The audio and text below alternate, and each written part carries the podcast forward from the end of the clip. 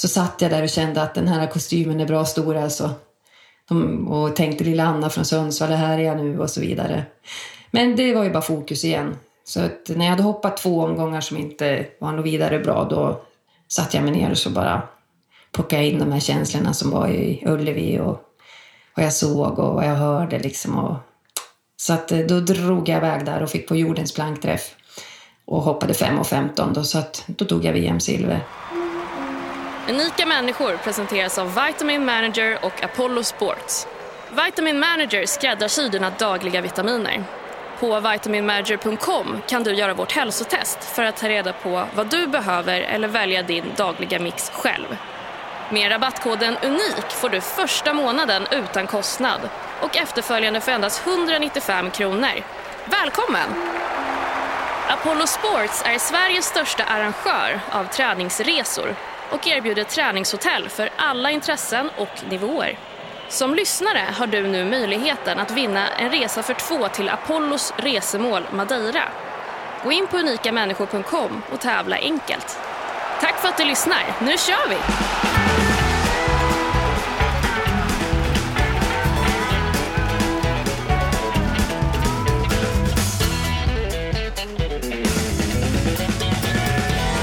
Dagens gäst i Unika människor är ingen mindre än eh, veterankvinnan som vunnit sopat banan med de flesta och det mesta. Anna Sunneborn, välkommen. Tack så mycket. Vi pratade lite om det innan här. Du, du tränar bara tre pass i veckan. Och det tyckte jag. Om man har vunnit då 50 SM-medaljer som jag, som jag har läst, SM-guld till och med, och eh, slagit massa svenska rekord och sådär, så tyckte jag kändes lite lite. Och, och vad var din kommentar på det? Jag tänker, för det första så är det ju så att jag är ju inte purung. Jag var 35 när jag började att träna. Eh, jag gick ifrån eh, en vanlig glad motionär, Friskis och Svettis två gånger i veckan. Mm. Jag kommer från Sundsvall, flyttade till Stockholm 94. kan man höra fortfarande. Ja, tack. Det gläder mig. och eh, på den tiden, jag är född 1970 och alla var som de var. Man rörde mycket på sig. Det var slalom och innebandy, volleyboll, rullskridskor och allt möjligt. Jag rörde på mig jämt. Men jag höll inte på med någon speciell idrott. Mm. Men då var det så att i skolan, med dagens skolsystem så skulle väl jag ha med betygssystemet 1A. Och det var idrott. Och resten F. Det enda jag tyckte var kul i skolan var idrott. Just det. Och då var det framförallt där när det var skol-DM. Jag fick alltid åka på allting. Och så var det då friidrott. Baldershov, Sundsvall. Friidrottsarenan där. Och jag kommer så väl ihåg det när det var skol-DM. Så eh, jag spöade ju skiten ur de här tjejerna. Mm. På längd och 60 meter. Och, och jag höll ju inte på med friidrott. Nej. Så det hade gnagt i mig lite grann det där. Att varför var det ingen som tog tag i mig? Någon friidrottstränare eller kanske att gympaläraren skulle ha uppmuntrat mig till att börja. Så att eh, min kära make, Mattias Sönderborn då, som jag har varit ihop med sedan december 94. Vi träffades i Stockholm sen natt, tidig morgon.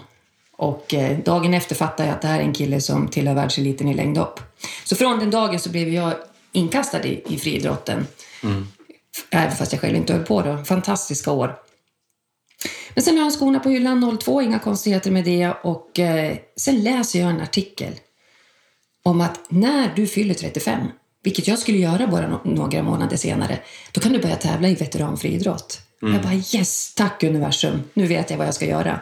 Jag har aldrig hållit på med någonting lågintensivt överhuvudtaget. Jag tycker inte om att jogga, jag är ingen sån här tjej som gillar att gå på pass och sådär. Så att det här kom verkligen som, eh, ja, men som en skänk från ovan. Våra tjejer, Beata och Klara, var sex och åtta år och jag kände att jag ville göra någonting nu.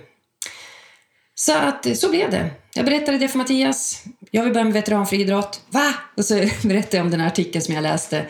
Ja, men det här är ju klockrent ju. Jag tar hand om din träning tre dagar i veckan. Så det är därifrån det kommer. Och vi bor ju på Lidingö. Fantastiska Bosön finns där. Så att det är där då som vi har tränat sedan dess, sedan 2005. Och eh, passen generellt, anledningen till att jag kör så få pass, det är för att min filosofi överhuvudtaget är så att när du tränar, gör något ordentligt. Ta i. Snabb rush, vila. Att ta färre repetitioner och ta i. Och jag gillar det.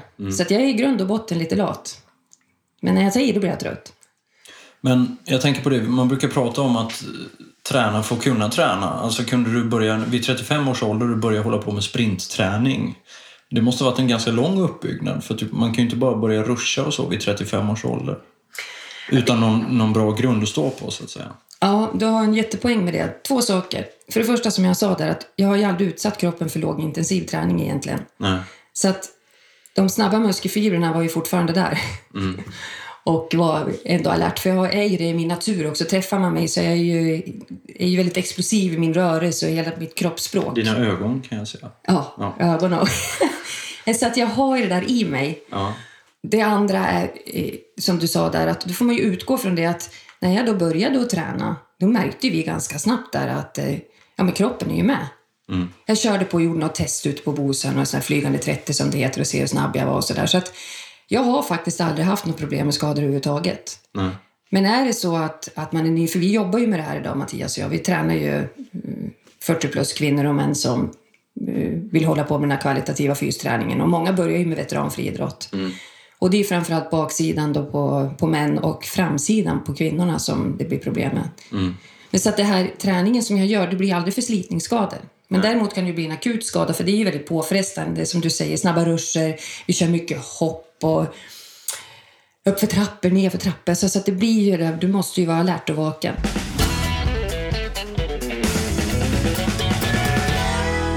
Jag ska läsa lite innan här, bara för att ta in lyssnarna lite i, i din värld här. Du började alltså träna vid 35 års ålder. Du har tagit 10 raka veteran som guld. Är det här fler sedan den här texten skrevs? Nej, det är det inte. 10 raka eh, veteraner som guld på 60 och 100 meter. VM-silver i längdhopp i Brasilien 2013. Svenska och nordiska rekord. Totalt 50 veteran-SM-guld. Och sen, sist men inte minst, veteranrekord i marklyft. Ja, precis. Vad, är, vad handlar det om? Ja, du, det är helt otroligt. Det här som du läser nu, det, det stämmer alldeles utmärkt. Och det blev faktiskt så att när jag var inne på min tionde säsong utomhus så samma dag som det är veteran-SM så sa jag till Mattias att eh, jag ska ta mitt tionde raka SM-guld, sen kommer jag faktiskt att sluta. Va? Kan man sluta? Började han då? För han, han började ju... När jag hade börjat med friidrotten så kanske efter ja, två månader, då blev ju han sugen. Ja, och börja igen. Han Så gjorde lite veterancomeback ja, där. Ja. han är helt inne i den här världen. Jag verkligen beundrar honom för det. Typ så här, kan man sluta? Hur bra kommer jag vara när jag är 90? Det är, liksom, Mm. det är hans värld, vilket är helt fantastiskt. Men jag är ju mer explosiv som du redan har fattat. Överhuvudtaget i min natur. Så att, då tänkte jag, nej men nu kan jag det här. Mm. Nu vet jag hur snabb jag är och hur långt jag kan hoppa. Men jag tänkte det är ändå skönt att avsluta med tio raka utomhus och även inomhus då. Så så blev det. Och så tänkte jag att för en gångs skull ska planet få ligga kvar på marken. För att jag är jädrigt snabb att hitta på nya grejer. Det är sällan jag reflekterar. Alltså jag, det är klart att jag är jättestolt över det jag gjort. Men det är sällan jag gör saker för att det ska vara att imponera på andra eller att folk ska tycka jag är duktig. Utan jag gör det jag vill. Så här har jag varit hela livet. Men eh, ja, då gick det några månader och varje år i slutet av december då brukar jag ta fram datorn. Och så sätter jag mig ner och skriver så här, vad vill jag med nästa år? Vad har jag för intentioner? Och vad är det för värdegrund? Vad är det som är viktigt för mig? Och familjen och karriären och med idrotten. Och mycket riktigt, det man tänker kommer ju till en. Så det får man vara väldigt försiktig med. För det negativa kan ju också komma till oss. Så att det, då så är det en tjej som mejlar mig. Hej, kommer du ihåg mig? Mikaela Kellner. Och eh, jag vet mycket väl vem hon är. Vi har träffats mycket på Bosön. Och hon undrar om jag kan hjälpa henne med sprint för hon vill börja springa.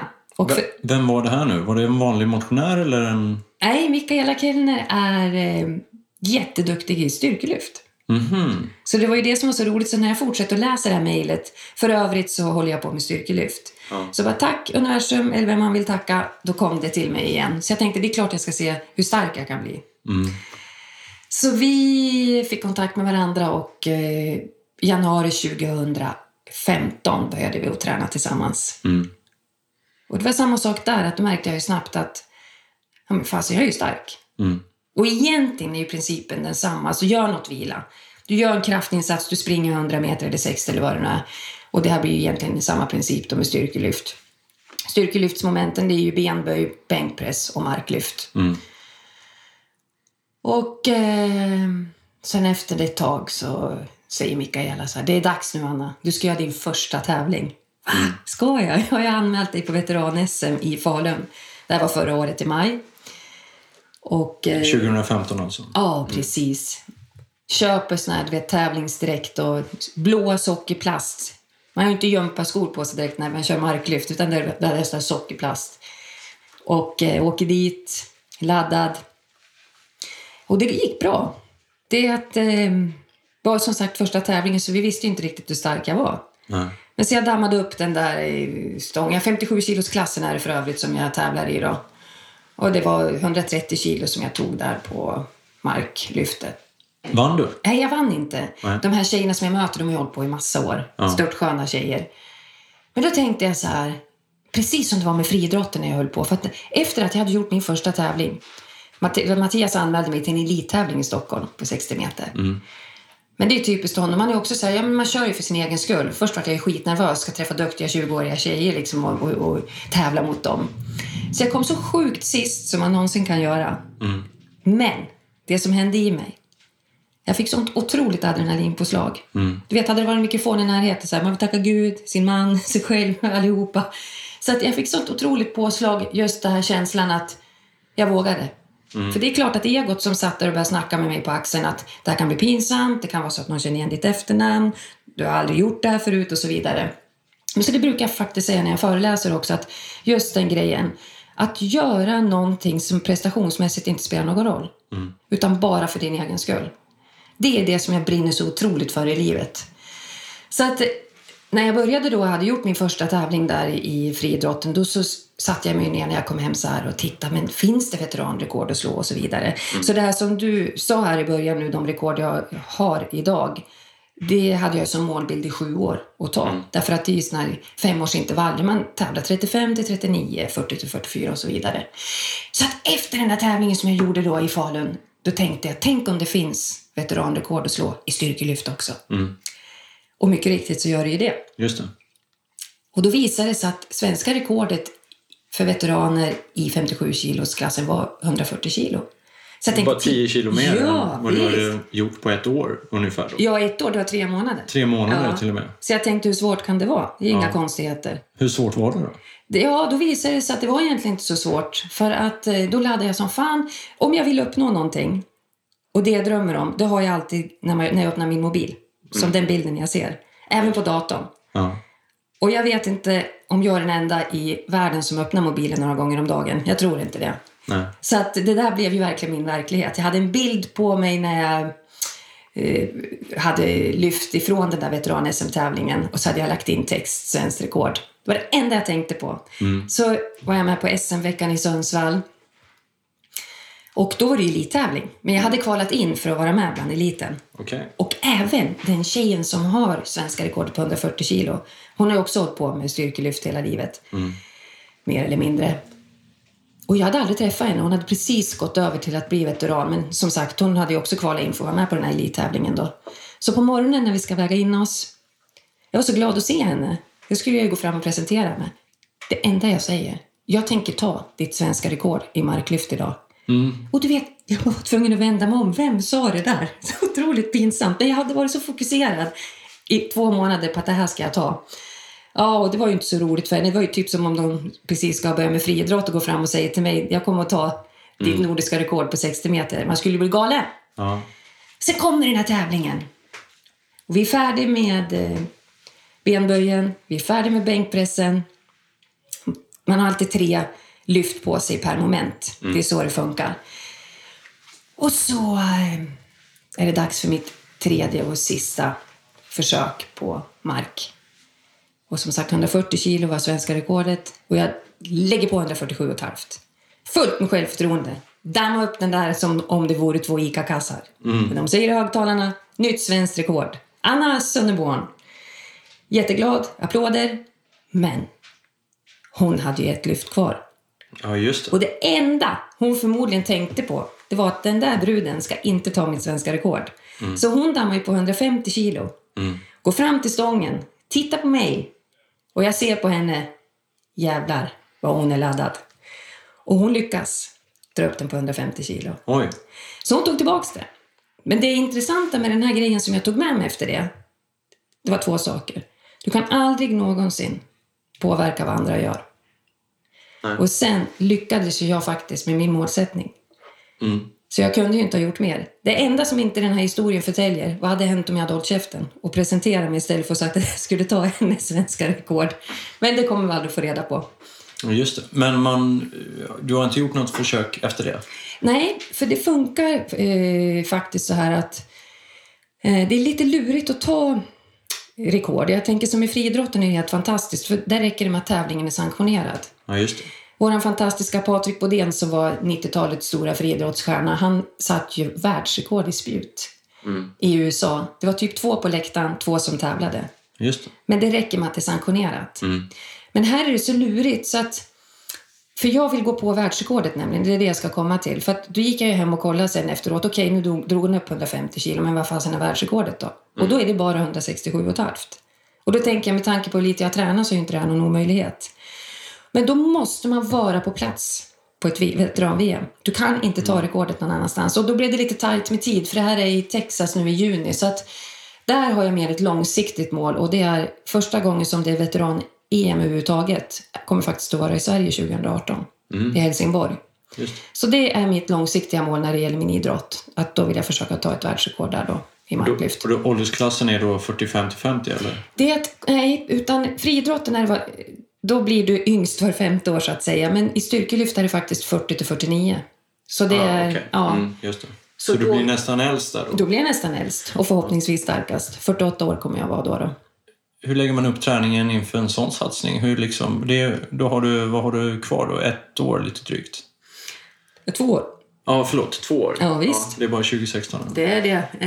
Eh, Du har två år på dig och Mm. du ska jacka upp ditt personbästa 15, 16, nästan 20 kilo kanske? Ja, 25 får det bli i alla fall. 25 kilo, ja. Jo, men jag kommer att ta eh, bra hjälp. Jag funkar sådär överhuvudtaget. Eh, då tänker jag så här att det är en grej som jag märker också ofta här att om människor sätter upp ett mål och inte är van att jobba med målsättningar så blir det lite försiktigt. Att inte se sig liksom i slutmålet. Jag ser verkligen den där darttavlan, att jag ska vara den där pilen där i mitten. Att, och sen backar jag. Okej, jag har dagens datum nu. Så när jag bestämde mig för det här, när jag la bort tanken på att åka till Texas som ska vara nu i juni. Så då hade jag precis i samma veva fått reda på att 2018 ska det här första veteran-EM gå då, då i Sverige. Men då ändrade jag. Då ändrade jag slutdatum. Mm. Men dagens datum kan man ju aldrig komma ifrån. Ja. Så att min tanke med det här nu det är att jag kommer att nu i sommar koncentrera mig på eh, friidrottstävlingar för jag har gjort comeback där jag fick tillbaka lusten. Eh, För det var den stora anledningen till att jag la med friidrotten, att jag inte tyckte det var roligt. Då tycker inte jag det är kul att gå och träna. Alltså då gör jag det inte. Var hittar du lusten då? Lusten är att, vilka är omgivningen? Att ehm, egentligen så, ja, det är så svårt att säga det där. Men liksom vaknade du bara upp en dag och kände så här, "Ah, jag känner för att sprinta lite igen? Eller, eller var det liksom så här, du började småträna och sen märkte du att ja, det, här, är- det här känns bra. Jag tror att det kan bli bra. Ja, det blev faktiskt så att det var i december då, 2015. För jag är ju som sagt på Bosön, det är där som jag jobbar och har mina träningsgrupper och när jag tränar själv och jag älskar Bosön. Det är allt från ungdomar och, och många som är mycket äldre än vad jag är och eh, olika elitklubbar som är där i alla dess olika idrotter. Men så då kände jag så här att den här känslan av att känna sig snabb. Mm. Jag hade saknat den och det här tycker jag också det är någonting för livet. Jag vill ju alltid kunna känna att jag ska kunna springa och om jag håller på att missa bussen, whatever. Eller ja, om jag halkar att jag kan stå kvar, att jag har bra reaktionsförmåga och sådär. Så att jag kände mer sådär att träningen i sig är ju så magnifikt bra. Och det är det som jag lär ut till andra. Det är det som jag jobbar med idag, kvalitativ fysträning som jag kallar det för då. Så då började jag ta upp träningen. Jag tog upp, eh, kontaktade mina gamla träningskompisar som de tävlar ju på SM och sådär. Det är ju tjejer som är i 25-30 års åldern. Och då hakade jag på dem på några pass igen och eh, så tog det väl kanske en, två månader så började jag vara tillbaka igen på och känna att jag var i form. Och så gjorde vi en test på Bosön. Vår viktigaste mätsticka det är något som vi kallar för flygande 30. Då ska du ha maxfart in i första sensorn, springa allt vad du kan i 30 meter. Då. Och så gjorde jag en annan test och bara, men gud, det skiljer ju inte så jätte, jättemycket ändå. Så gick jag in och tittade där. Vad är, svenska rekordet kvinnor 45-60 meter? För jag har ju på 40 då. I 40-årsåldern. Ja, så bara, men gud, 8 sekunder, 28 hundradelar. Så satt jag och plussade ihop det jag hade gjort. Det, så här, men om jag får det på det mest perfekta loppet, då är det ingen omöjlighet. Men jag hade ju inte tävlat på två år. Så jag drog till Örebro, det var i mitten av mars, anmälde mig där och då sprang jag på 8 och 34. Så det var ju bara 600 delar ifrån det här svenska rekordet. Så då kände jag men vad kul att vara tillbaka och det var roligt att träffa ja, både veteraner och andra idrottare som jag känner. Och så att, eh, men mycket mer tillförsikt. Förut var jag helt inne på det här men ja, nu gör jag som jag vill. Det spelar ingen roll.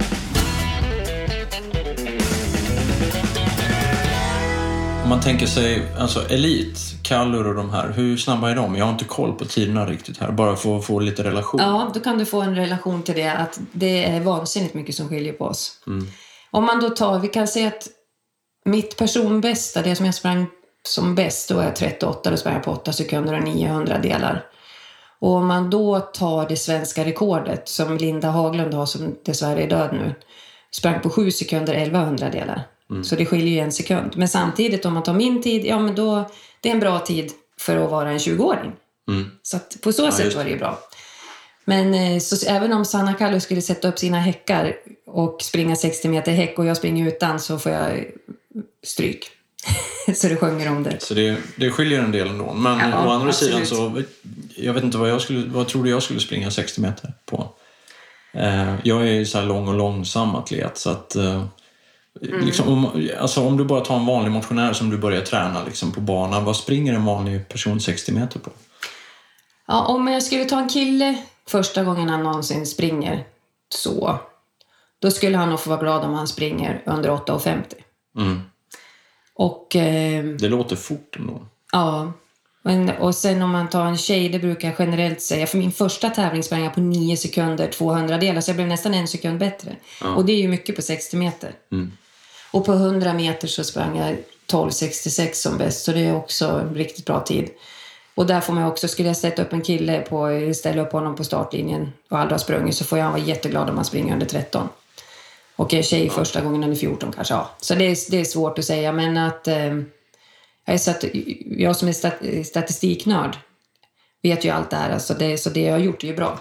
Jag är jättestolt över de tiderna jag har gjort. Och det är ju många som har sagt så här, men vad skulle ha hänt om du började när du var ung? Ja, men det är klart att jag fattar att jag har blivit duktig. Men man kan ju inte göra något åt det. Nej, nej. Så är ju livet. Jag har ju fått fantastiska år med friidrotten. Först då när jag hade förmånen att få följa med Mattias över hela världen och det var OS och VM och EM och allt vad det var. Och det där tänker jag också där med spegelneuroner, att vi blir ju som de vi är med. Så jag tror också att det var en grej att när jag väl började så har jag ju sett det. Jag, har ju levt, jag hade ju levt med det så otroligt många år. Och, och, eh, så jag tror att det kom naturligt för mig det där också, att tekniskt ha sett på så många duktiga under åren. Men du, jag tänker, eh, du tog ju ett VM-silver, men det var ju längdhopp. Hur liksom eh, kunde du kombinera det där med att både springa snabbt och hoppa längd? Eller det var en annan specialitet du hade? Den kombinationen är oerhört vanlig.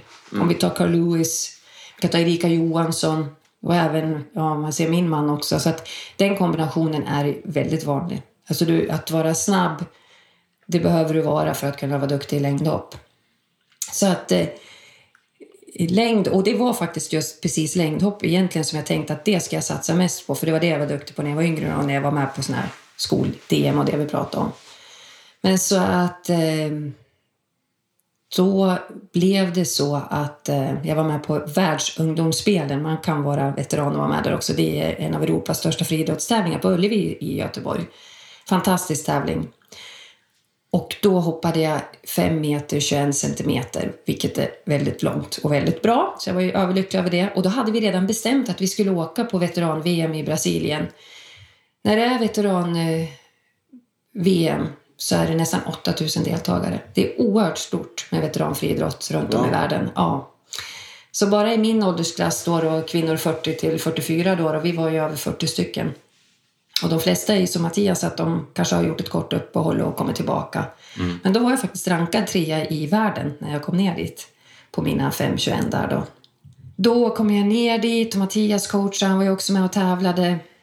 Och då började det där egot igen och snacka med mig. Jag blev så jädra nervös. För att sitta där med landslagskläder och kolla på de här tjejerna som såg assnabba ut. Och de var, liksom från hela världen som var där. Och så satt jag där och kände att den här kostymen är bra stor alltså. De, och tänkte lilla Anna från Sundsvall, här är jag nu och så vidare. Men det var ju bara fokus igen. Så att när jag hade hoppat två omgångar som inte var något vidare bra då satte jag mig ner och så bara plockade in de här känslorna som var i Ullevi och vad jag såg och vad jag hörde liksom. Och, så att eh, då drog jag iväg där och fick på jordens plankträff och hoppade 5.15 då, så att då tog jag VM-silver. Så det var jättekul, men det är fortfarande som jag... Vad vann de på? Får jag fråga? Och gisses, vet att jag tror inte jag kommer ihåg det ens. Det var inte många centimeter, kanske 5,30 eller någonting. Mm. En eh, mångkamperska från Tyskland som är jätteduktig. I vilket fall som helst, så det, det intressanta ändå med det här är ju att den känslan som kom över mig då har ingenting med lyckan som var när jag gjorde min första start. Även fast jag kom sist. Just det. Det går inte, alltså fortfarande när jag pratar om min första start, mm. som egentligen var dagens skämt, så går jag kan alltid på, få den här känslan av att, uh, att jag vågade. Liksom, att det är så lätt att hitta ursäkter och man ja, vi inte gör saker och sådär. Så att det här med när jag tog eh, VM-silvret, det var ju bara att jag hade satt förväntningar på mig själv och det var yttre förväntningar och folk ville vara schyssta. Så åk ner och ta medalj nu. Men, eh, och det där tänker jag på, jag var ju ändå bara min lilla värld. Mm. Alltså herregud, det här det är inte så att jag ändrar historieböckerna. Men tänk hur det är för alla duktiga elitidrottare som får se det här i tidningarna liksom, och folk vill väl och, och så blir det den här pressen och så där kände jag också det här att, att glädjen är ju verkligen det viktigaste av allt och Carolina Klüft har ju alltid sagt det. Mm. Och det kan ju låta sådär att man tänker ja, ja, det är lätt för henne att säga som det bara har gått bra för. Men hon har ju haft den inställningen hela tiden. Mm. Skulle hon ha börjat och, och ställa krav på sig själv och låta de yttre förväntningarna förstöras så det är inte alls säkert att hon hade lyckats så bra som hon har gjort. Så att det, det tycker jag var en intressant mental resa faktiskt att summera friidrotten sen på det där att ja, men vad är lycka egentligen liksom och vad är det som är viktigt? För att för mig är det ju så här att när jag föreläser så pratar jag jättemycket om det här att, att hur vi än vrider och vänder på det så är ju en meningsfull vardag mm. det som är det viktiga. Och hur kan vi få det då? På bästa möjliga sätt. Så att eh, glädjen i det som jag gör, det tycker jag är, är så otroligt viktigt att eh, försöka ha kvar det. Så att, ehm, ja, så, så det var ju som sagt, då hade jag två års uppehåll från friidrotten och är ju jätteglad. Så nu, är det, ja, det är styrkelyft och det är friidrott och ibland så hänger jag på extremfabriken och för Mikaela Kellner som jag pratade om där och Jenny Adolfsson som är fantastisk styrkelyftare. Hon är ju med i Gladiatorerna också. De två tjejerna hjälper jag med sprint nu. Så vi har jättekul och jag tränar ihop ibland. Och, ja, men så leka och kul. Jag, trots att jag är 46 år, det är det enda jag tänker på. Mm. Som på mitt Instagram, jag lägger ut massor med grejer där med att jag leker och far omkring och slänger mig på ringar och det ena med det tredje. Och... Men så att den lyckan att ha den här kroppen som är med mig och aldrig att jag känner att jag är trött eller nersliten i kroppen utan bara kör. Jag tycker det är helt underbart.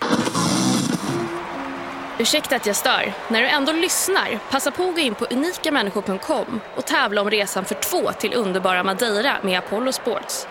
Det var allt. Nu fortsätter vi.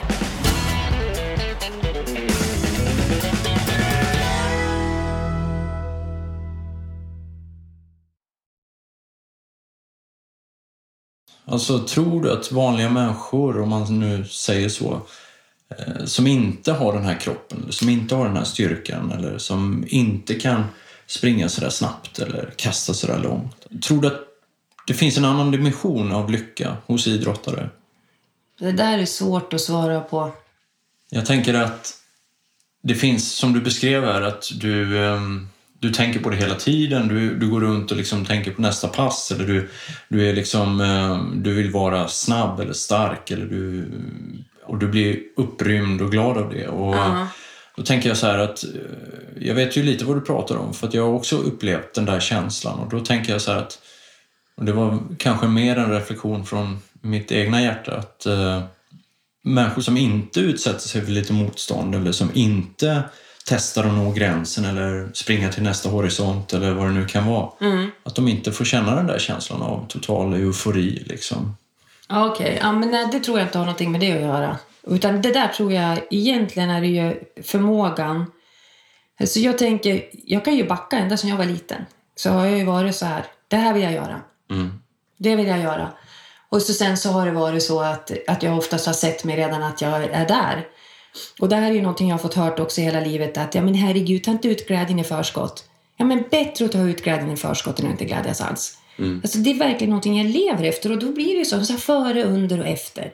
Ja men som nu så står ju du och jag här. Jag tänkte före så här, då tänkte jag men det skulle vara kul att komma hit. Och jag, det är andra gången som jag står och, och pratar så här. Alltså det, i, någon, ett sånt här sammanhang. Ja, men det känns kul och så nu är vi här. Då vill vi ju vara här. Vi kan ju inte hålla på och tänka på vad vi ska göra efteråt. Nej. Och så sen efteråt och känna att det är goda härliga känslor. Och det tror jag handlar överhuvudtaget om det här att försöka få en lycka i livet. Till exempel så, ja men om jag ska åka utomlands, då blir det samma sak där. Då har jag den bilden på mobilen. Ja. Och eh, så ser jag den här, det här resmålet och, och eh, blir glad över det och tänker på vad jag ska packa liksom och sätta mig och ta en god drink där vid stranden och sådär.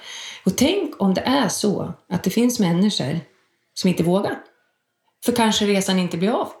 Och då har jag glatt mig i förskott. Mm. Och jag garanterar att det finns människor som tänker så. Men i min värld, jag har alltid gjort så. Fast jag har inte fattat det. Jag har trott att alla gör så. Så att lyckan kan ju vara, någon har en sommarstuga och tänker så här, åh på fredag ska jag ut dit. Ska jag ta och köpa en, en, ett magasin och så tar jag med en mousserande och ja, du vet, alltså vad som helst. Eh, Så att lyckan handlar ju ingenting om prestationer. För det jag menar, om man då ska se det så att om man ska utgå från det vi har pratat om, att min första start, då skulle jag kunna grävt ner mig eftersom jag kom tvärsist. Men ändå var jag så stolt och lycklig och det gjorde verkligen att jag satte igång. Jag kan ge ett annat exempel också på det här med, jag sjunger i en gospelkör och så var vi i Chicago 2014. Vi var 38 stycken, yngsta 20, äldsta 67. Och en var så sjukt dålig på engelska så det var dagens skämt. Mm. Och det var jag. Alltså jag kunde knappt säga one coke please. Jag bara what? What do you want? Okej, så bara vänta nu Anna. Vad har hänt på vägen? Mm. Och då gjorde jag den här klassiska missen att jag tänkte att när jag blir äldre, då kommer jag att kunna. Men jag glömde att öva. Mm. Och då blir jag så här direkt. Det här är ju fantastiskt. Vilken möjlighet till att kunna bli bättre. Det var 4 november 2014. Jag skrev ner på ett papper då. Varje dag ska jag lyssna på engelska i minst en halvtimme. Laddade ner böcker. Det är så motivation speakers så det är bara business. Varje dag har jag gjort det i en halvtimme sedan dess. Mm. Det spelar ingen roll för någon annan än mig själv. Men jag är väldigt glad för att jag har gjort det.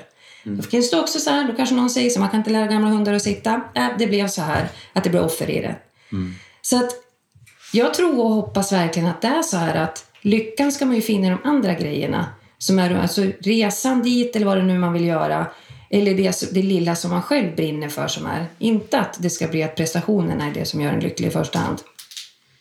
Mm. Intressant svar. Jag trodde faktiskt att du skulle hålla med mig där, men det var bra att du sa emot mig. Då kom vi in på något annat. Jag tänker också så här, du, du pratar väldigt mycket om när, när man researchar dig lite och vad du föreläser om och så där, så pratar du väldigt mycket om att säga ja till livet. Kan du berätta lite om det? Vad betyder det? Jag brukar säga så här då att, att jag har valt att säga ja till det som för mig framåt, ger mig nya utmaningar. Men framför allt en meningsfull vardag, det som vi pratade om. Mm. Det gör ju jag så här att lite grann som vi redan har pratat om, ja men hur vill jag att mitt år ska se ut? Alltså jag känner ju ett ansvar för att jag vill se till att göra det bra på den tiden jag är på jorden. Jag känner att det är mitt ansvar. Tyvärr är det bara 3% av världens befolkning som har tydliga mål med vad de vill göra. Eller är beredda att göra förändringar. Massan flyter oftast på. Det händer inte så mycket. Och ni som lyssnar nu tillhör ju förhoppningsvis den här 3 procenten. Och då känner jag så här att det var flera år faktiskt som det var folk som frågade mig om inte jag kunde föreläsa. Men jag vågade inte. Så jag sa alltid så här, men ta Mattias, han kan det här. Ja, men det är ju din resa vi vill lyssna på. Men jag har aldrig tyckt att det varit speciellt, för att lite grann som jag pratade om förut, jag trodde att alla funkar så här. Ja, men man tar väl ut glädjen i förskott, typ så här. Ja, men hjärnan skiljer ju inte på fantasi och verklighet, så då kan vi väl bjussa på att vara schysst med oss själva och alltid varit jätteduktig på att prata liksom med mig själv. Så här, bra jobbat Anna, fan vad du kan, härligt. Eller om det inte har gått så bra, upp, upp igen. Det gör ingenting om det hamnar i diket Anna. Det är väldigt sällan som jag är hård mot mig själv. Och det har varit naturligt för mig. Jag har inte brytt mig så mycket. Och jag har heller aldrig lagt en identitet i det jag gör. Det har inte spelat mig någon roll. Stopp lite. Jag bara tänker så här. När du säger vara hård mot dig själv. Jag tror att många lyssnare kanske kan säga så här. Fan, hon verkar ju jävligt hård mot sig själv. Det är mål på mål på mål på målsättning och så vidare. Jag tror att... eh, Vad menar du med hård mot dig själv? Då menar jag så här att inte slå på sig själv om det inte blir som jag har tänkt mig. Utan då tänker det ingår i livet att saker och ting sker som vi kanske inte vill, vi har inte räknat med. Det kan vara vad som helst. Så att bara för att jag är, lagd åt det här hållet att se saker positivt och vara optimist och så, så råkar ju inte jag ut för färre saker än andra. Nej. Men när det händer, ja men det är så, då får jag säga tråkigt. That's life. Nu, ja, lite sorg i den här grejen att det har hänt kanske och sådär. Och samma sak det här att, eh, att inte vara så hård mot sig själv. Då menar jag att, ja, vad ska vi säga? Nej men jag, vi, vi hoppar över träningspass, vi säger det. Och jag, Hemsk tanke. Ja, hemskt. Ja, men då, då bestämmer jag mig för det. Vi säger att någonting uppstår istället som jag känner att ja, men det här är viktigare just nu. Jorden håller på att gå under. Ja, typ. Ja, men så att det är generellt... Jag kan säga så mina barn är ju 17 och 19 år. Det är två, tonår, två tonårstjejer som vi har. Och det är klart att vara förälder, det måste jag ju säga att det är ju den tuffaste uppgiften. Vill vara en god, god mamma och man vill vara en bra hustru och allt möjligt vad det nu är. Va? Men där kan jag känna ibland att jag kan slå på mig själv där för att jag vill så gärna att mina barn ska känna att de har fått en bra uppväxt. Men, men jag försöker så fort att när de här tankarna kommer, fan du skulle inte ha sagt det där eller och nu blev det så där och att försöka så fort de där tankarna kommer, bara, men sortera. Okej, men det här har ju redan hänt. Kan du lära dig någonting av det? Och ännu värre är det ju så här att vem äger egentligen problemet? Det här tycker jag är helt underbart. Vi låtsas att vi är utomlands och det regnar. Ja, det kanske inte är så kul. Men vi kan inte göra något åt problemet. Det är ju Gud eller universum det, eller vad man nu tror på. Så det är dens problem. Eller du får ett problem i knät som du inte har bett om. Eh, eller skapar du ett problem som egentligen inte finns. Min 17-åring och jag var i Paris för ett tag sedan här och jag älskar kultur och historia. Verkligen. När jag kom in här i byggnaden så det första jag tittade på det var ju så här, men okej, titta det här huset är från sent 1800-tal och det är lite jugend där och sådär. Så att jag suger in allt jag ser. Min dotter är precis tvärtom. Så vi tar sån här hop-on hop-buss som finns i alla städer. Jag är jätteladdad, har en karta framför mig och kopplar i naturligtvis hörlurarna för att höra vad den här guiden säger. Min dotter sitter bredvid med sin iPhone och hörlurarna är fortfarande kvar i iPhonen. Så tittar jag på henne och så säger jag, ska du inte koppla in? Lyssna här nu. Nej, men du vet att inte jag är intresserad mamma. Jag är nöjd med det här. Och bara titta. Och där hade jag ju kunnat skapa ett problem som inte fanns. Typ, men nu har jag faktiskt betalat 26 euro för de här biljetterna. Och vad ska kompisarna säga när du kommer hem och vet ingenting om Paris? Och då bara samlade jag mig så tittade jag på henne och så tänkte jag, fan vad nära det är att skapa problem som egentligen inte finns. Så att där släppte jag det. Och det kan ju vara andra saker också. Så att när saker och ting sker så, då brukar jag också, ja men vad är problemet egentligen? Och ibland då får man bara shit, jag får gilla läget, det här får jag göra någonting åt. Men det gör också det här att med skuld eller slå på sig själv, vad det nu kan vara, att då är det ganska mycket av det som du kan ta bort direkt. Istället för att det blir någonting negativt i det. Så sortera direkt och kan jag göra annorlunda nästa gång. Så att det, det är sällan det hinner liksom komma och gro i mig. Det känns lite som du har världen väldigt klar för dig. Upplever du det? Ja, verkligen. Ja. Det har jag. När spacear du ut då? När blir du helt så här, när är din hjärna helt bara så här tyst och lugn och när tänker du inte på dina målsättningar eller dina uppsatta liksom? När händer det? Det händer varje dag. Jag är extrem livsnjutare. Så innan jag åkte hit nu också, nu är ju vi på Östermalm och eh, jag bor ju på Lidingö så det är inte så långt härifrån. Jag tittade på klockan så tänkte jag en halvtimme. Då lägger jag mig vid vattnet och myser och så lyssnar jag naturligtvis på lite engelska böcker där då. Så varje dag så, så sover vi alltid middag och jag är mycket med mig själv. Jag är ju egen företagare och så väldigt reflekterande. Men eh, så jag sorterar otroligt. Just det här också ens olika identiteter. Att jag är ju inte mamma jämt och jag är inte kompisen jämt och sådär. Utan när jag är någonting i det jag gör, ja, då är jag det då. Sen släpper jag det. Jag kan tänka i dina föreläsningar så pratar du mycket om det här. Och vad blir reaktionen hos människor? är det lite som jag sa nu att ja, du verkar ha allting väldigt klart för dig? Eller är det liksom att Gud vad hård du är mot dig själv? Eller har du alltid en agenda så här med mm. stolpar att göra? Eller, ja, men som du sa, det här med att lyssna på engelska varje dag. Mm. Det är ju det är så här slaviskt beteende. Det kan man tycka, men för mig handlar det där, precis som jag sa också då i det fallet, att det där är ju någonting som bara är för min egen skull. Mm. Och jag tycker att det är så här, ju mer du lär känna dig själv, desto lättare är det att ta med dig vart än du går. Mm. Och det jag menar med det, det är alltså att den som du först och främst måste lita på till 100 procent, det är dig själv. Och då känner jag så här att om jag har bestämt mig för att göra någonting som bara spelar någon som helst roll för mig själv. Det här låter lite flummigt, man kan bestämma sig för att göra någonting ett års tid. Liksom inte prestationsinriktat. Då händer otroliga saker med dig. Mm. Att du kan lita på dig själv. Och eh, har man lyssnat på hela min föreläsning, det blir väldigt lätt så här, för att det vi har börjat prata om nu, det är det som jag inleder föreläsningen med. Men sen så när jag berättar om hela mitt liv, då fattar man till slut när man har gått ifrån den här föreläsningen, jag vill också ha en meningsfull vardag. Mm. Så att då får man hela bilden av hur jag funkar som person. Det som jag vet att människor tar med sig. Och förhoppningsvis då kanske man släpper mer på sin identitet som, ja, om man är chef, VD, elitidrottare, whatever. Jag hade faktiskt förmånen att få prata med några eh, ungdomar som var med på ungdoms-VM i friidrott. Och då sa jag det till dem att, för det är ju en väldigt skör ålder, de är ju 17-18 år, att det är väldigt roligt att ha sin identitet i prestationerna när, när det går bra. Men vem är du när det inte går bra, när du blir skadad och så vidare?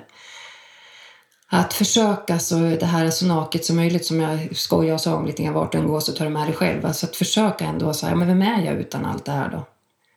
Det, det tycker jag är så en jädra skön känsla. Jag bara älskar det där.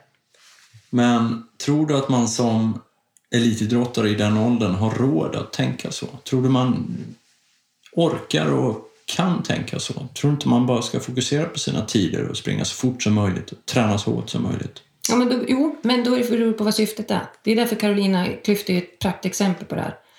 Att men hon, hon är ganska speciell också. Alltså om man tänker på hur mycket hon har lyckats med. Jo, jo precis. Så är det ju.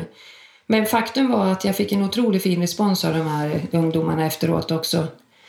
För jag kommer ihåg att när Mattias, min make, han gjorde illa sig rejält en gång. Och det var inför när det var VM på hemmaplan i Göteborg 95. Så fick han en stressfraktur. Det var en person som hörde av sig och det var Miro Salar som är mm. kommentator och gammal stavhoppare. Så att det var det som jag också försökte förklara när de här ryggdunkningarna tar slut. Alltså om man har fått för mycket, alltså själv är så van att få feedback och det är grejer som när det går bra så tror man att identiteten blir det. Så det var det, var det som jag pratade om lite grann också. För det kan ju vara många också som, varför, blir, varför vågar inte folk byta jobb exempelvis? Ja, man kanske har fått identiteten i det och folk säger att du är så jävla duktig och det. Men, men det är ingenting som spelar någon roll. Det är inte direkt det vi kommer att tänka på den dagen livet är slut här. Jag tänker att det är ganska lätt ibland att paketera människor i en profil eller identitet eller man kan titta på ditt Instagramkonto och säga så här, men hon är så. Eller, mm. eller på någon, någon annans Instagram, han är så och så vidare. Är vi inte, behöver vi inte göra det för vårt eget? Tänk, tänk om alla personer vore helt annorlunda och kunde byta skepnad och ja, lite som du kanske. Är det inte lite läskigt, tänker jag? Ja, det vet jag inte. Jag bryr mig faktiskt inte så mycket i det. Jag tänker, jag vet faktiskt inte det. Men mm. det är ju klart att det är ju, jag kan ju också få sådär att eh, ibland om jag ska sätta på mig bara några kläder, så men fan kan jag se ut så här? Ja, så där som man vill passa in i normen. Eller jag brukar skoja och säga så här att eh, ja, okej, vi ska tapetsera om hemma. Och så står man och kollar i de här katalogerna så är det mm. världens finaste tapet som man bara känner så här, shit den här vill jag ha en 70-tals orange blommig eller vad det kan vara. Och så får man den här härliga känslan. Men sen är det någonting som drar en tillbaka. Så, nej men, äh, vi tar cappuccinofärgade väggar, det är ändå modernt nu. Alltså att de här, när det blir för många beslut som är ifrån där som man egentligen bara känner så här, ja men det där, alltså när man bara liksom andas fri. Ja men det där skulle jag vilja göra, eller nej men det kommer inte att gå. Att, att det blir för många av de här besluten liksom att man drar sig själv tillbaka på något sätt. För jag brukar för min egen del, så var tionde år, då brukar det ticka till lite grann i mig. Då kan det bli lite grus i maskineriet. Då vet jag, då är det dags att backa. Vart är du nu idag? Det är samma som med min make och jag. Vi har varit ihop sedan vi var 24. Och är 46 idag. Vem är jag idag mot? För när vi träffades så åren går liksom och ja, massa grejer sådär som jag kan fundera på. Liksom att, eh, du kanske har haft samma åsikt hela livet. Du, det bara liksom ramlar ur det. Du har inte ens funderat på det. Så det jag märker som jag tror skulle vara önskvärt för många det är att reflektera mera. Att lägga tid på reflektion. Överhuvudtaget. Var reflekterar du bäst? Det kan vara precis var som helst. Jag har ju hunnit reflektera massa grejer nu bara genom att titta ut på träden här.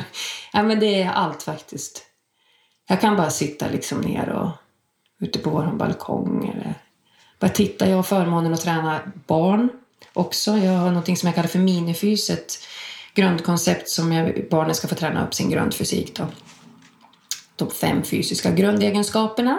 Så att alla de här små härliga kidsen de kan göra sina kullerbyttor och det, de är starka och snabba och kan hoppa och allt vad det är. Så de yngsta är sex och de äldsta är tolv. Så har jag fyra olika grupper då, åldersanpassat. Och sen igår så när jag kom och skulle ha ettor, de är sju och åtta år. Och så det första som sker då, då är det tre flickor som kommer springandes till mig med varsin liten blombukett. Och jag bara kände så här, jag kan inte hålla tillbaka tårarna. För det var så fint, jag bara tittade på de här, att de tänker på sin minifysfröken Anna och har gjort de här buketterna liksom. Och, och goa, härliga, oförstörda barn liksom som bara är så närvarande. Då blev det också sånt där ögonblick så jag kände bara, åh, det här är livet, det här är nu. Det var så, det var så otroligt härligt. Så att jag har ju förmånen att då kan det liksom vara samma dag. Då har jag kört någon föreläsning eller coachning för en ledningsgrupp och sitta där liksom. Och sen två timmar senare får man leka med kidsen som, som bara ger en energi på ett helt annat sätt. Så det passar min personlighet det där och då, då blir, jag ju, blir jag ju tvungen mycket till reflektion. För vem möter jag idag? Vem möter jag nu? Mm.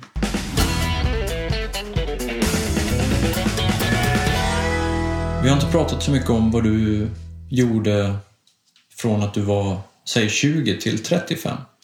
Alltså rent eh, yrkesmässigt, vad, vad har du jobbat med? Vad, vad har du gjort? När jag var 15 år då började jag jobba extra. Som många andra gör. Och det var inom restaurangbranschen. Och eh, faktiskt på en båt som heter Vindhem. Och den är i Slussen idag. Har varit där i många år. Så den båten Vindhem jobbade jag på. Och hade förmånen att eh, ha en chef som var helt fantastisk. Nina. Så att när jag hade jobbat där ett tag så sa hon till mig att Anna, jag vill säga en sak till dig. Att vart du än är, se till att göra det bästa där du är så leder det alltid till något annat. Och jag först fattade jag inte vad hon menade. Men sen när poletten trillade ner, att jag förstod att om jag försöker göra mitt bästa, är nyfiken på vad andra gör. Jag kände att jag var viktig i sammanhanget. Alltså jag var en del i sammanhanget. Den som var viktig här, det var gästen som skulle bli nöjd. Va? Så att den, den här fantastiska Nina, jag kontaktade faktiskt henne för två år sedan.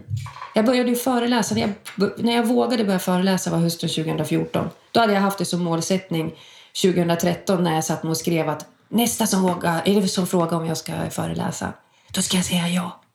Oavsett vem det nu än är. Och så blev det. Så att jag gjorde min första riktiga föreläsning hösten 2014. Och då ringde jag sen till henne och tackade henne för att hon, jag pratade om henne i föreläsningen. Att hon fick mig att förstå vid så tidig ålder att jag mer eller mindre är chefen i mitt liv, vilket alla är. Så att vart än jag varit så har det alltid lett till något annat. Så det blev att jag jobbade inom restaurangbranschen i tio år, flyttade till Stockholm. Då hade jag bestämt mig för att nu vill jag jobba med film och tv. Det här var 1994. På 90-talet ville alla göra det som var unga. Så att eh, det slutade med, efter typ 176 samtal, ingen mobil, jag hade fast telefoni, bodde typ i en tredjehandslägenhet i Skanstull. Det enda jag gjorde på dagarna var att ringa till massa olika produktionsbolag. Men då kom jag på så här att eh, statist, det kommer att bli något. Då kommer de minsann att se vem jag är, något. Men det var det, Ninas, den här fantastiska devisen levde i mig då. Så att eh, då var jag så smart så då kollade jag på tv-serien Rederiet som var den fantastiskt stora tv-serien då som gick på 90-talet, 2,2 miljoner tittare. Så tittade jag på eftertexten. Statistansvarig Johan Svennefors. Så skrev jag ner det. Och dagen efter ringer jag till Sveriges Television med lite sådär lätt självförtroende röst, typ som att jag redan kände Johan Svennefors. Så hon kopplade in mig till honom och han svarade. Och de höll ju på att spela in nya avsnitt då. då. Babbla för 177 gången det här är samma sak. Att jag ska minsann lyckas här och kommer från Sundsvall och jobbar inom restaurangbranschen och bla bla bla. Så till slut började han att skratta och så sa han så här att oftast brukar man få skicka in ett CV. Mm. Men du verkar vara så skön så att kan du komma och vara passagerare redan på torsdag för jag har en avbokning. Mm. Och du vet också så här identitet. Jag hade lämnat, jag var 20 år och var distriktschef för Cherry Casino i Sundsvall, hade 13 anställda. Och man ska se vad, vad är status och vad liksom är en identitet. Jag vet att jag var ju så lycklig så jag höll på att dö. Jag ska få vara statist. Sveriges Television, Rederiet. Det var så stort för mig så det var helt otroligt. Och då blev det så att när jag kom dit så kom han inrusandes till oss statister fem minuter innan inspelningen ska börja. Jag skulle vara passagerare ombord, där är den där receptionen och det då. Anna, visst var det du som har jobbat inom restaurangbranschen? Ja. Skynda dig bort till kostymavdelningen, för hon som har den stående statistrollen i receptionen är sjuk. Och där är det ju tur. Bara, yes, nu ska jag ta chansen. Nina och jag, nu kör vi liksom. Gör det bästa där du är.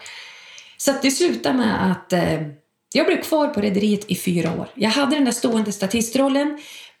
Snacka med alla. Det var producenter allt möjligt. Så behöver ni någon extra, någon extra tjej någonstans?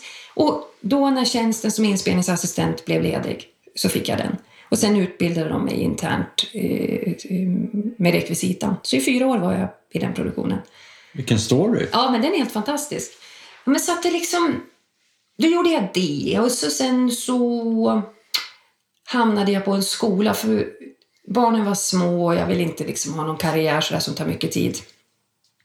Och då jobbade jag på en skola i, ute på Lidingö och sen sa jag upp mig 2010 och har jobbat som fystränare då och föreläsare sedan dess. Du nämnde tidigare i intervjun att du träffade Mattias en sen natt, en tidig morgon. Ja. Hur gick det till? Det var på Birger bar i, här i Stockholm. Jag jobbade inom restaurangbranschen här nere också då en sväng så att det var så klassiskt. Då hade, varken jag eller mina kompisar hade mobil så att då hade jag jobbat på Söder på ett ställe vid ett sånt här blackjack-bord så tänkte jag jag orkar inte gå ut, jag är skittrött. Men jag fick ju inte tag på honom, man kan ju inte bara svika en polare. Så vi hade bestämt träff på Rish tror jag det var. Och sen så gick vi över på Birger bar och då kollade jag ner på dansgolvet och såg men gud det där var en fin kille. Och sen blev det så att vi, vi började prata med varandra och eh, ja som sagt det är faktiskt rätt eh, otroligt det där. Så träffades vi dagen efter och sen bjöd Mattias ut mig på middag dagen efter och sen dess så har vi hängt ihop. Var han mitt uppe i sin... För det här var 90... Vad sa du? Det var... Det var december 94 så att han slog igenom. Två och en halv månad senare så var det VM, inomhus-VM i Barcelona. Ja. Och då, då eh, tog han silver på 8,20 som var ett eh, nordiskt rekord i jättemånga år. Nu har ju Michel Tornéus det svenska rekordet eh, och nordiska på 8,30. Men eh, så att det var som jag sa, där, jag blev inkastad i det här direkt. Mm. Så jag var ju med där nere också. Du hade ingen kontakt med friidrotten innan dess? Nej, nej, ingenting. Nej. Det var bara på skolan liksom. Ja, ja vad häftigt. Ja. Jag tänkte på det i morse när jag var hemma och tittade på Mattias. Det är ändå rätt otroligt att ha varit ihop i 22 år liksom. Och mycket man har gjort tillsammans. Och snart börjar en ny fas och ungarna kommer flytta hemifrån snart och sådär. Så att det, det är häftigt livet, hur det är och vad det tar liksom på olika vägar. Om man säger ja till livet som jag säger. Det är ju det det handlar om lite grann. Och så våga säga nej till det som man inte vill göra. Det är det viktiga. Så att jag är ingen ja-sägare för att eh, bara säga ja. Vad händer när vi dör då? Och jag tänker absolut inte kremeras. Det har jag sagt. Vi har faktiskt gjort eh, bok, det är klart. Vi har pratat med barnen mycket om döden. Vi, tyvärr har ju vi råkat ut för ganska mycket tråkigheter som är med döden. Så Mattias har ju inga föräldrar kvar exempelvis och sådär. Så att döden har varit väldigt naturligt för oss att prata om. Alltid. Men så jag sa faktiskt det för ett tag sedan att Gud så otroligt egoistiskt och oförskämt att kremeras. Ja, vad menar du? sa familjen. Ja, men av jord är du kommen. Alltså, jag vill ju ligga där, det här låter ju helt bisarrt. Jag vill ju ligga i den där kistan och veta att, att jag eh, kommer att vara mat till maskar och allting. Alltså att jag går tillbaks till naturen på ett, eh, ett sätt som liksom får ta sin tid. Det känns som någon jävla quick fix att slänga in den i och bli aska och bara försvinna. Nej, det vill jag inte. Utan då, nej, och så tror jag absolut inte... Det, om jag ska tro på något, då tror jag på reinkarnation. Mm. För det finns nästan ingen som har barn, om man har mer än ett barn, som är lika. Och då tänker jag, hur kan det ens vara möjligt? De kommer från samma kroppar och det är samma DNA och allting och så sen så blir vi så otroligt olika. Mm. Så det tycker jag är en cool känsla. Så att är det något om, eh, om jag skulle analysera det ännu mer, då skulle det nog i sådana fall vara reinkarnation. Och så vill jag tillbaks bara till att förmörknas. Vi har pratat lite om det också, det här med när du sa att saker och ting kommer från ovan. Eller om du benämnde det ovan eller vad det nu är där uppe eller sådär, sa du något sånt. Tror du på att det finns något där uppe? Eller nå någonstans? Jag tror inte det överhuvudtaget. Och även fast jag sjunger i gospelkören så det, men det är inte, jag tror absolut inte så på Gud så. Men för mig är det otroligt viktigt att känna tacksamhet över att se sig själv i ett större sammanhang. Mm. Och då menar jag möten med allt. Med djur, människor, vad det än är. Att, eh, att känna en tacksamhet för det. Så det jag menar lite grann, och skojar om det ibland, det där tacka Gud eller universum. Men det är mer så här, men vad är jag öppen för? Vad är det jag drar till mig? För det kan jag inte förklara. För att om, om jag sätter ner mål eller att jag tänker så här att eh, ja men idag då, då ska jag avsluta, då ska det bli klart med två nya jobb eller någonting.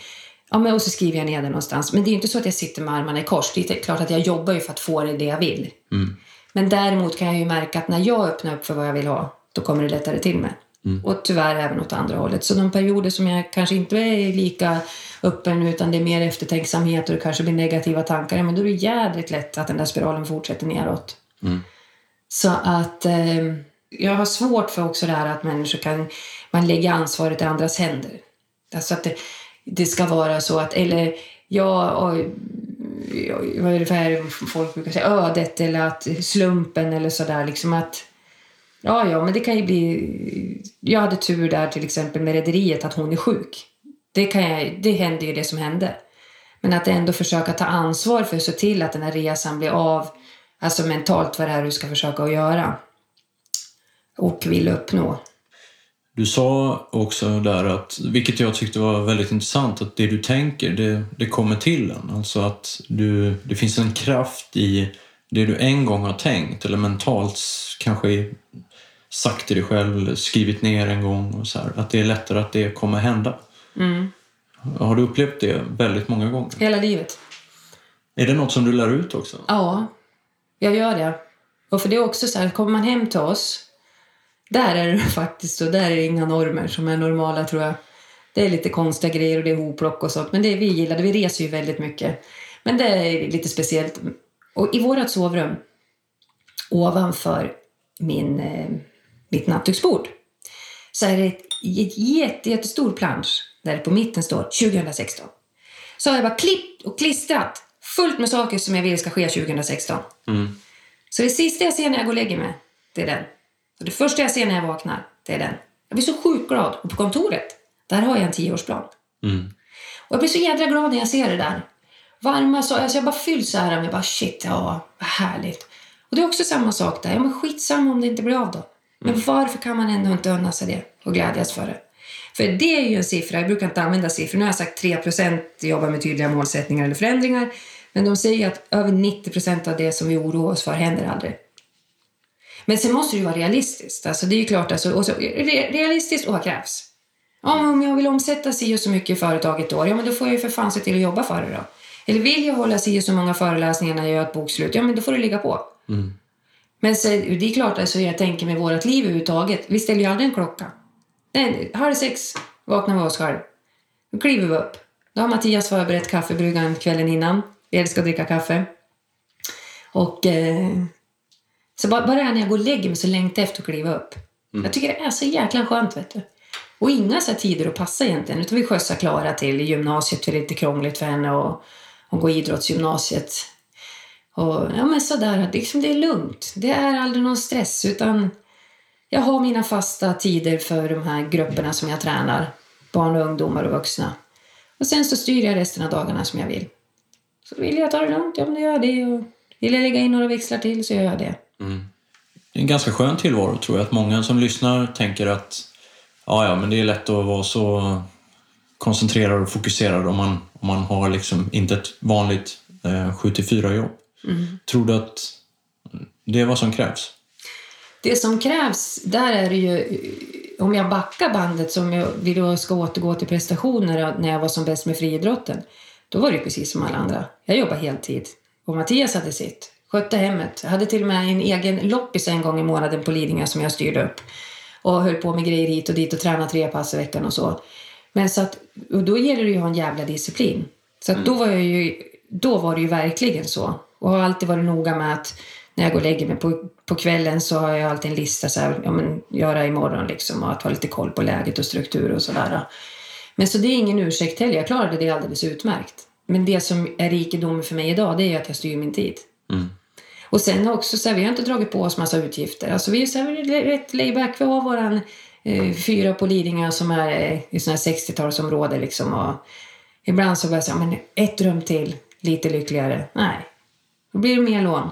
alltså att, och ganska också så här att, eh, ja men layback överhuvudtaget och bara försöka i den mån som jag kan att göra saker som jag mår bra av. Mm. Ja, Anna. Det, vi ska ta och runda av, för det har gått en timme ungefär. Och gisses. Eh, och eh, vi brukar försöka hålla de här intervjuerna till en timme så alla orkar lyssna. Eh, tack så jättemycket att du kom. Är det något du vill tillägga som du har känt att du vill föra vidare? Jag får ju tacka er som har lyssnat den här timmen också. Men, nej, men försök att blunda och känna vad som gör er lyckliga. Och, då, I sådana fall ska det nog vara att göra den här uh, planschen som bara blir helt crazy. Även om ni kanske tänker så här, men herregud, det kommer inte att passa in i min inredning. Så skit i det och kör. Tack så du. Tack.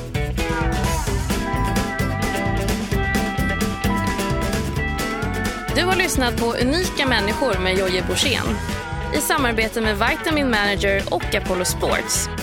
Tack till producenten Jonas Sjöberg och produktionsbolaget A1 Produktion.